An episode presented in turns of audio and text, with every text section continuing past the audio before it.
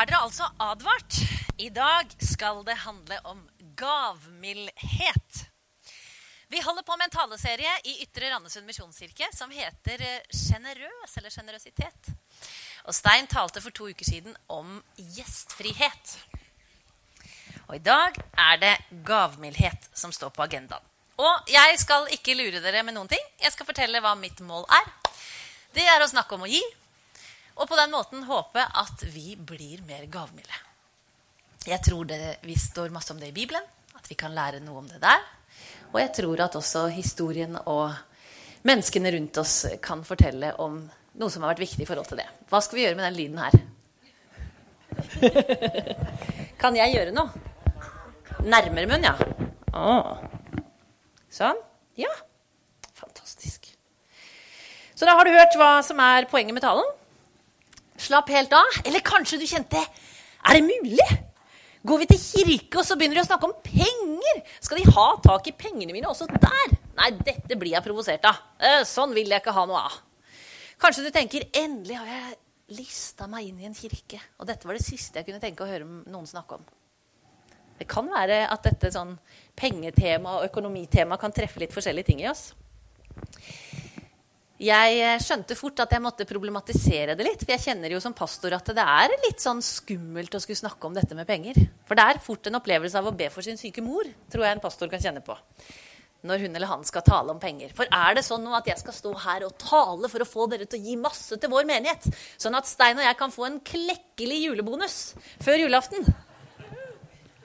Det ville kona til den andre pastoren gjerne ha.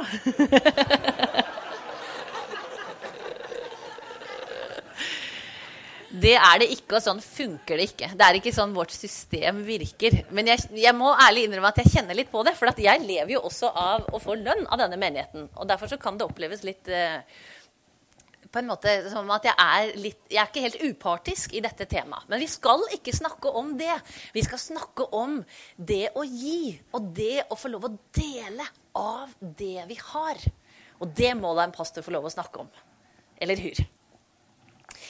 Eh, jeg tenker at vi, Noen av oss har sikkert noen veldig dårlige erfaringer med sånn pengetaler. Jeg har vært på møte der det har blitt eh, Hva skal vi gjøre nå? Ja, nå kommer det meg til unnsetning. Sånn. Ja, nå prøver vi her. Ja. Det var jeg som eh, var årsaken til problemet. Lydproblemet. Jeg har vært på møter hvor de har trøkka på og sagt 'Vi har kommet her på møte i dag, og jeg kjenner i min ånd og min sjel at noen skal gi 1000, noen skal gi 10 000, og kan jeg se en hånd i været?' Og, og det, så, tenker, det, er, det, er, helt usmakelig, og det passer seg ikke. Skal ikke. Jeg skal ikke tale sånn i dag. Du kan slappe helt av. Ingen skal vite noen ting. Men jeg vil at du skal granske ditt hjerte. Og du kan gjerne tenke at etter denne talen så skal jeg gå hjem og så skal jeg snakke med noen om dette. Enten de jeg lever sammen med, eller noen som står meg nær. For jeg tror litt, Vi har godt av å prate litt om dette temaet. Gir jeg? Hvorfor skal jeg gi? Er det greit, det jeg gir? Burde jeg gitt mer? Og så må jeg bare si, det har jeg et lite behov for i dag, at jeg er ikke sånn som vi bruker min stemme til å si 'gi, og så skal du få'. Gi, så skal du bli helbreda. Så inn til oss, og så skal du høste inn i andre enden. Det er en grøft og en fare i dette temaet i forhold til det å gi. Og jeg tenker at jeg har ikke noe mandat til å si hvis du gir, så kommer det nok til å gå bra. Du blir nok helbreda. Jeg tror det er et bibelsk prinsipp å gi, og det skal jeg snakke om. Men jeg tenker at jeg kan ikke love noe jeg ikke har på en måte fått mandat til å love. Og jeg tenker at det er en, en ufin grøft å havne i. Vi, det, den fins, og den, eh, den, skjer rundt oss. Der vi lover for mye knytta til dette med å gi. Man bruker menneskers skjøre situasjon, sykdom eller vanskelige livsfase til å trykke litt på. Gi litt ekstra, så skal det nok gå bra. Sånn vil jeg ikke stå for. Og likevel så vil jeg heie på det å gi. Dette er ikke en tale som er til noen spesielle, som har en gave knytta til det å gi. Det kan hende noen har. Det kan virke litt sånn i forhold til når Paulus skriver om nådegavene, at noen har en, en helt konkret gave i forhold til det å gi. Jeg tror jeg har møtt noen sånne mennesker på min vei. som bare naturlig er så rause. Og som det mest naturlige for dem i verden, det er å dele av det de har fått. Det er fantastisk å møte sånne mennesker. Jeg håper du har møtt noen. Det lukter godt. Det gror godt i de sine fotspor. Og jeg vet vi har noen her iblant oss. Men jeg skal snakke til oss alle. For dette, det å gi er allment. Det er for alle. Det er en oppgave som ikke det er lov å snike seg unna. Selv om noen spesielt tjener på den måten så tror jeg egentlig heller ikke det er et budskap som bare gjelder for den som tror på Jesus. Jeg tenker at dette budskapet går det an å høre for alle.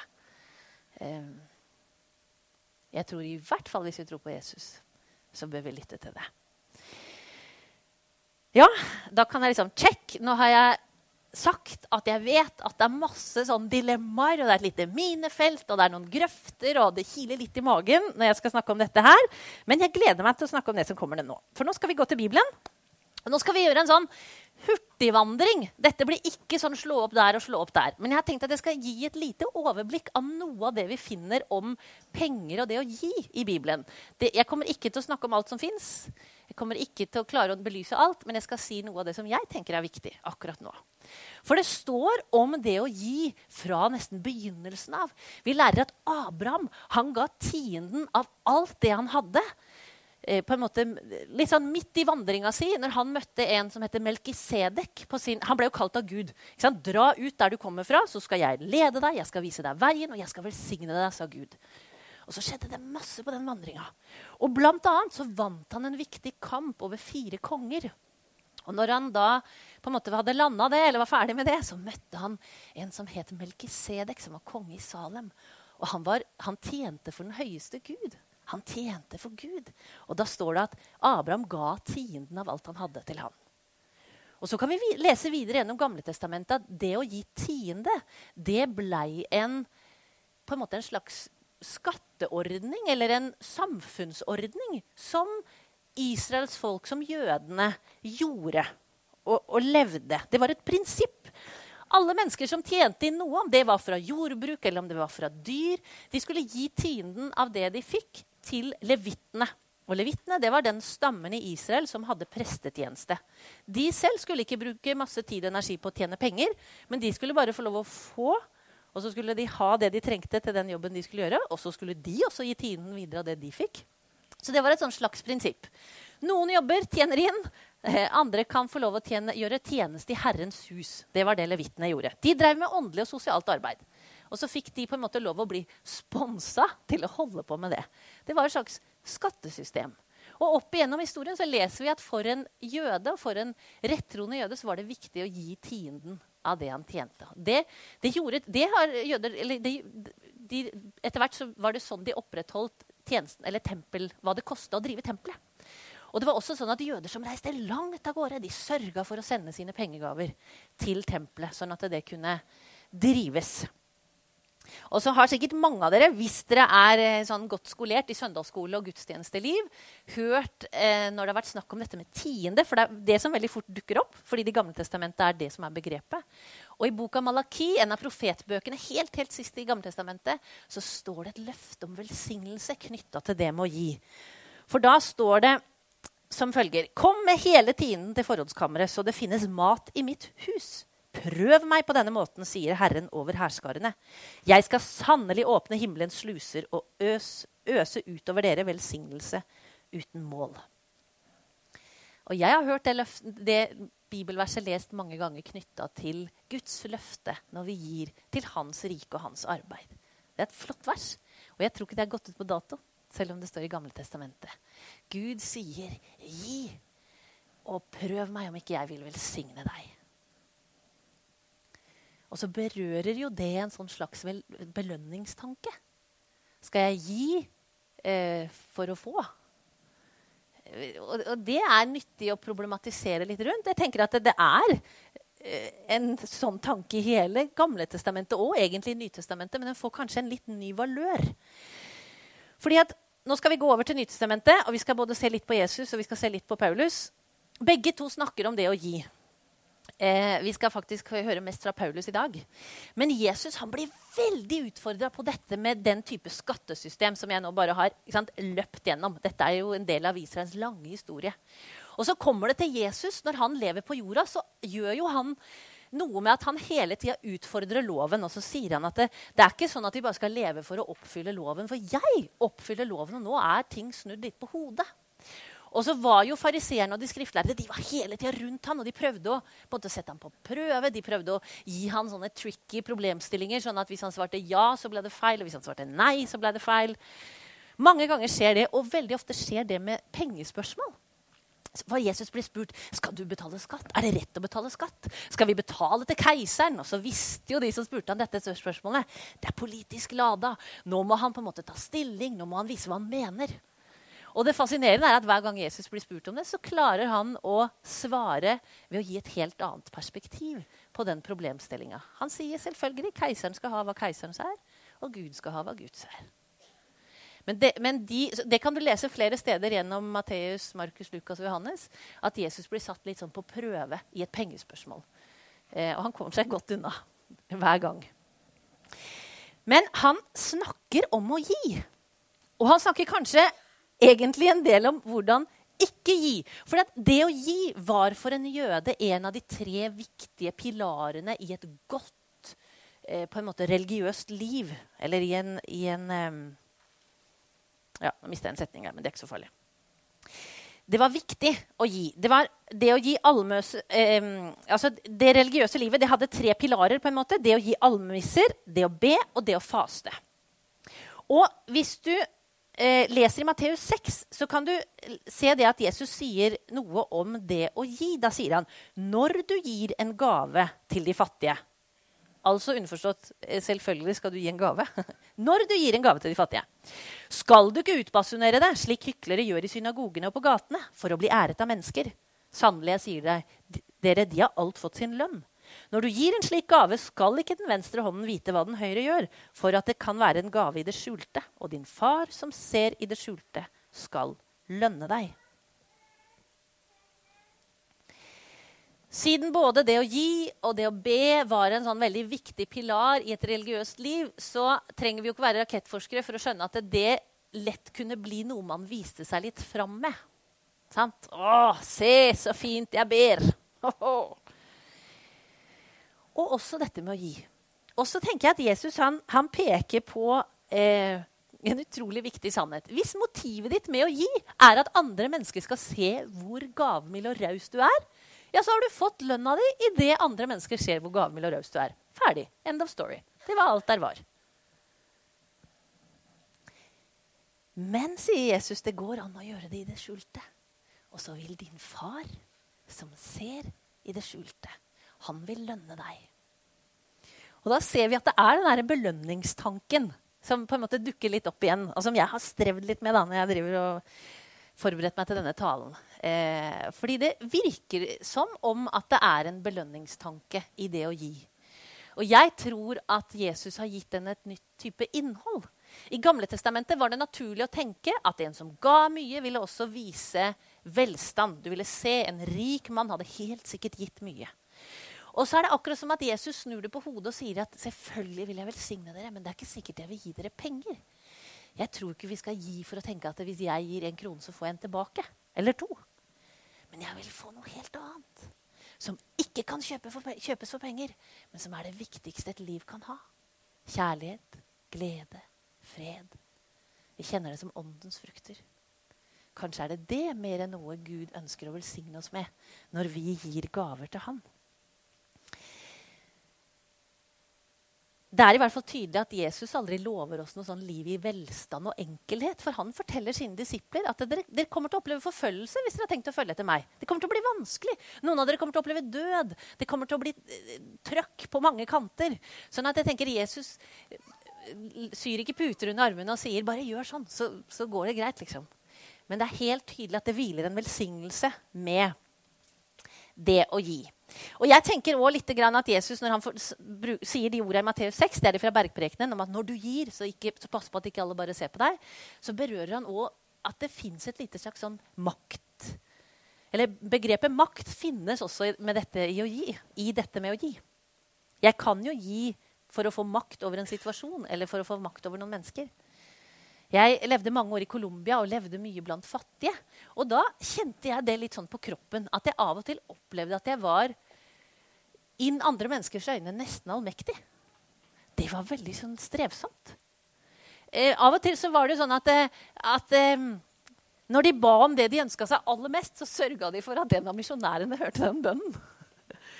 Og så, så kjente jeg at, eh, at, over tid så jobba det veldig godt i meg at eh, Oi, jeg må jo kanskje være det bønnesvaret som dette mennesket ber om. Eh, og jeg klarte jo ikke å reflektere over det sånn med en gang, men over tid så blei dette her en av de store leksene mine faktisk i Colombia, som jeg lærte. Eh, og det viktigste med den leksa det er at dypest sett så det de trengte aller mest, var ikke noe jeg kunne gi fra en pengekonto. Men det er klart at det er fantastisk når et lite barn ber om en basketball. For det er det høyeste ønsket hun kan få i verden. det er å få en basketball. Så frister jo misjonæren å gi en basketball. da. Så jeg må jo ærlig innrømme at jeg har gått rundt og vært litt sånn uh, selvutnevnt hellig ånd på jord. og tenkte at det er jammen godt Vår Herre har meg på vakt her, sånn at vi kan liksom sørge for at vi gir litt her og vi gir litt der. og da, da, da. Men så er det jo òg noe med det der som gir makt. For det er klart at det er veldig spennende å være venn med en som har så mye makt. For hun har jo, hun har jo rike onkler. Hun har con connections til et bankhvelv i Norge. Og, det, og, noen ganger skapte vi sikkert det inntrykket selv. At vi bare hadde et hvelv vi kunne ta ut av. Og så tenker jeg ja, for det har vi vel egentlig. Vi lever i den ypperste velstand. Og jeg tror ikke mange av oss her inne noen gang har vært sultne. Fordi vi ikke hadde penger til å kjøpe noe å spise med. Jeg har aldri lidd nød fordi det ikke var noe å få tak i. Så jeg vet heller ikke hvordan det er å gå i de skoa. At livet er så begrensa. At du ber på dine knær for alt du trenger. Men jeg tror at det hviler et dypt ansvar over oss som er så rike som det vi er. Og jeg lurer på om ikke Vår Herre har et lite sånn ekstra, samtale med oss. Hvordan brukte dere pengene deres, kjære nordmenn? Så dere ikke at det var en verden rundt dere som, led? Så vi kan godt kjenne litt på det ansvaret og på en måte den makten som jeg av og til kjente at jeg hadde når jeg gikk rundt blant de fattige i Colombia. For vi har litt den makten. Vi kan hvis vi vil. Så sier Jesus Han ser på noen som gir. Og så peker han på hvem er det som ga den største gaven. Det var en fattig enke, og det var noen rike som ga sin overflod og ga store gaver. Og så snur Jesus på en måte begrepet om det å gi, i hvert fall i den tiden, på hodet. Og så sier han den som ga den aller største gaven av disse, det var jo den fattige enken.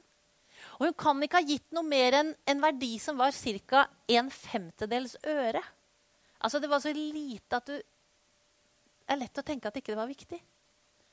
Og så sier Jesus hun ga aller mest. For hun ga alt hun hadde.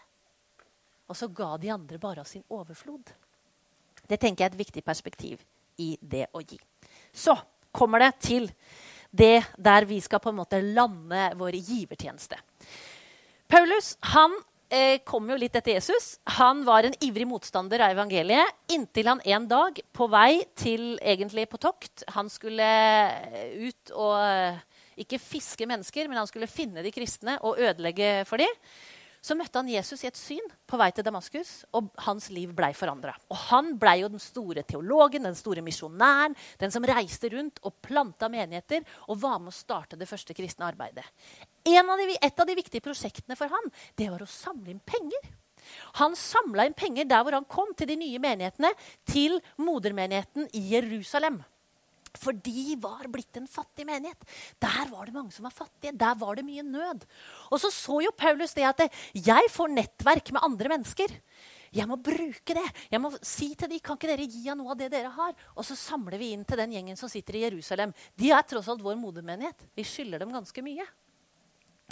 Og jeg har tenkt å lese to bibelvers fra på en måte, Paulus skriver en del om det i ulike brev og i apostlenes gjerninger. Og jeg skal eh, si to ting. og det, det er, Dette er liksom poenget med talen. Det som kommer nå, det er det du skal huske. Du kan glemme alt annet. Remember det som kommer nå. I 1. Korinter 16,2 så står det Dette er det Paulus som sier. Nå, nå driver han og lager, på en måte, nå utfordrer han, forteller hvordan skal dere gjøre det. Første dag i uken skal hver enkelt av dere hjemme hos dere selv legge til side så mye som dere er i stand til, for at innsamlingen ikke først skal begynne når jeg kommer. Hm. Nummer én lag en plan. En gang i uka. Kanskje vi skal si en gang i måneden, for det er da vi får lønn. Dette handler jo litt om hvordan samfunnet funker. Men eller en gang i året. Når du ser på årsbudsjettet ditt, lag en plan. Ikke bare la deg styre av sånne tilfeldigheter. Det kan virke nesten som om at Paulus allerede da skjønte at predikanter kan ha en sånn hang til å utnytte det her kollektalebegrepet litt drøyt. Så han sa jeg vil, at dere skal dere skal ordne dette her før jeg kommer. Ikke begynn å organisere det først når jeg kommer til dere. Bestem dere på et fast tidspunkt. Og så sier han i 2. Korinter 9. Men det sier jeg. Den som sår sparsomt, skal høste sparsomt. Og den som sår med velsignelse, skal høste med velsignelse. Enhver skal gi det han har bestemt seg for i sitt hjerte. Ikke med ulyst eller tvang. For Gud elsker en glad giver. Og Gud makter å gi dere all sin gave i rikt mål, så dere alltid og under alle forhold har nok av alt, ja, har overflod til all god gjerning så er det akkurat som at Paulus gir oss en utrolig enkel plan. Nummer én lag en plan. Nummer to bestem deg i hjertet ditt for hvor mye du vil gi. Og det er mange som har liksom lett etter å finne argumenter for at Jesus og Paulus sier så mye skal du gi. Enten i en sum eller i en prosent. Verken Jesus eller Paulus sier noen gang at dette er summen. Og hvis vi tenker over det, så, så, er det jo egentlig litt sånn at det er umulig for oss å si om 1000 kroner er mye eller lite. Det kan være en fis, det kan være en dråpe i havet, det kan være latterlig lite. Og det kan være en sum som oppleves som helt umulig. Derfor så tenker jeg dette er et personlig ansvar for alle og enhver. Bestem deg i hjertet ditt for hva du tenker at du skal gi. Og så gjør det, da. Dette nytter ikke å bare ha en tanke om. Dette må vi gjøre praktisk. Jeg har vært på sånne møter hvor, jeg har vært på mange rare møter, skjønner jeg. For jeg har vært på møter der, der de sa at liksom, nå, skal dere, nå, skal dere, tenke på det. Og da, og Dette sier jo kanskje mer om min syke enn om eh, mitt, min åndelige vei. Da, jeg, da, fikk jeg tvangstanker. For da ble jeg veldig redd for at jeg skulle tenke på et veldig høyt tall. da var det litt sånn at jeg tenkte nei, tenk om jeg tenker på 10 000, da må jeg gi det! jeg tror ikke det er så trangt. Jeg tror vi skal få lov til å tenke hva har jeg lyst til å gi? Fordi Gud elsker en glad giver. Og det er nå det kommer inn det lille poenget at jeg tenker dette bør vi snakke med noen om. Og jeg tror at En av grunnene til at økonomi er litt vanskelig å snakke om i kirken, det er også at økonomi er litt tabu. Vi vil gjerne se ut som vi har mye penger, men vi vet ikke så veldig mye om måte, vår interne økonomi. Og det er ting vi måte av og til skammer oss over. Av og til er jo økonomi det vanskeligste livstemaet. Vi, vi synder, eller eh, vi krangler med ektefellen vår. Vi er sterkt uenige. Økonomi er jo av og til også årsak til skilsmisse. Jeg tenker Det er viktig å sette seg ned og være litt redelig sammen med et annet voksen menneske og si du, jeg har tenkt sånn. Med mine midler. Med det jeg rår over, så har jeg bestemt meg for at jeg vil si, gi så mye. Hva tenker du om det? Åssen høres det ut? For det er noe med å høre hvordan det høres ut når man sier det høyt. Og så er jo vi så jantelovske at vi skal jo i hvert fall ikke snakke noe om det til noen. Men det tenker jeg, det går det an å bryte. Men du bør ikke utbasunere det. Det var ikke det som var poenget. Hvorfor skal vi gi, da? Var det bare noe de skulle gjøre i Gamle og Nytestamentet? Nei. Hele evangeliet er en fortelling om å gi. Vi tror på en Gud som ga sin sønn, som ga det mest dyrebare han hadde, for å gi oss liv. Og da tenker jeg at det rimer på en måte at det å følge han også handler noe om å gi. Og at det kan synes i lommeboka. Det sies jo at lommeboka er det siste som blir frelst. Alt annet det kan gjerne ta inn evangeliet. Og jeg har jobba med at når jeg i dag skulle snakke om det å gi, så skal jeg ikke snakke om alle som lider og har det vondt. Nå har jeg jo toucha det, da. Så skal jeg ikke eh, altså, Det er så mange spennende temaer. Det går an å snakke om fattigdomsreduksjon, det går an å snakke om klima, det går an å snakke om sosialt samfunn, samfunnsansvar. Men jeg tror at det er en kristen plikt å gi. Uavhengig av om det er mange eller få rundt oss som akkurat nå trenger våre penger. Fordi Gud har bedt oss om det. Gud har sagt at det er en god ordning. Hvordan har han sagt det? Jo, de forteller i apostelens gjerninger, så refererer de til at Jesus sa det er saligere å gi enn å få. Og så kan det hende at vi tenker litt mer nei, det er saligere å få enn å gi. I hvert fall på julaften. Nei, Jesus sa det er saligere å gi enn å få. Og vet dere, det er forskningsmessig bevist. Det syns jeg er helt fantastisk. Det var eh, det har stått i dagen, avisen Dagen. Det er eh, to universiteter, British Columbia og Harvard, som gjorde en forskning på hva gjør det med oss, hvordan vi bruker pengene våre. Og det de kom fram til, det er det at eh, forbruk det har ingen relevans for lykke. Men det å gi, det gir en form for lykkefølelse. Så Jesus hadde rett når han sa det er saligere å gi enn å få.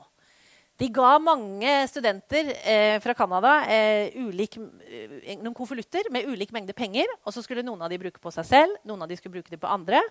Og så var det helt merke, altså tydelig differanse mellom de som brukte penger på seg selv, og de som ga noe til andre. De var langt mer lykkelige. Så det kan altså virke som at Jesu ord er rett. Det er saligere å gi enn å få. Ja, hva gjør vi da?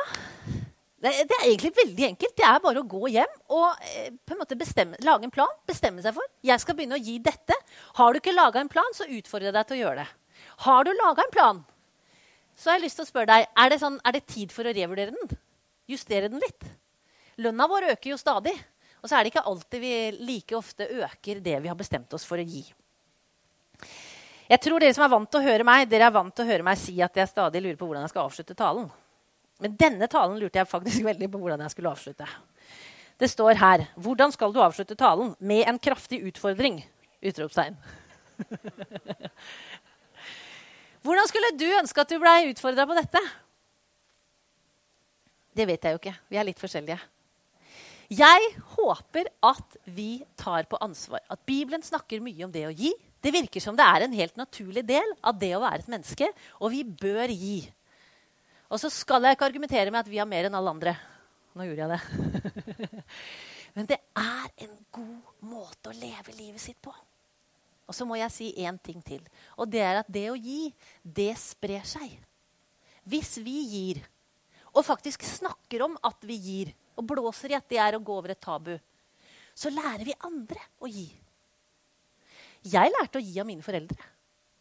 Fordi de ga, og fordi de viste oss det at de ga. Og vi som er voksne og har ansvar for barn, vi må vise våre barn at vi gir, og vi må lære de å gi. Det er den enkleste måten å lære det bort. Jeg har lært det pga. to ting. At jeg har vært en del av en kultur der det var naturlig å gi. For jeg har gått i en menighet. Og så har foreldrene mine hjemme vist at det var helt naturlig. Også på vårt familiebudsjett. Og de ga når det var mye inne, og når det var lite inne.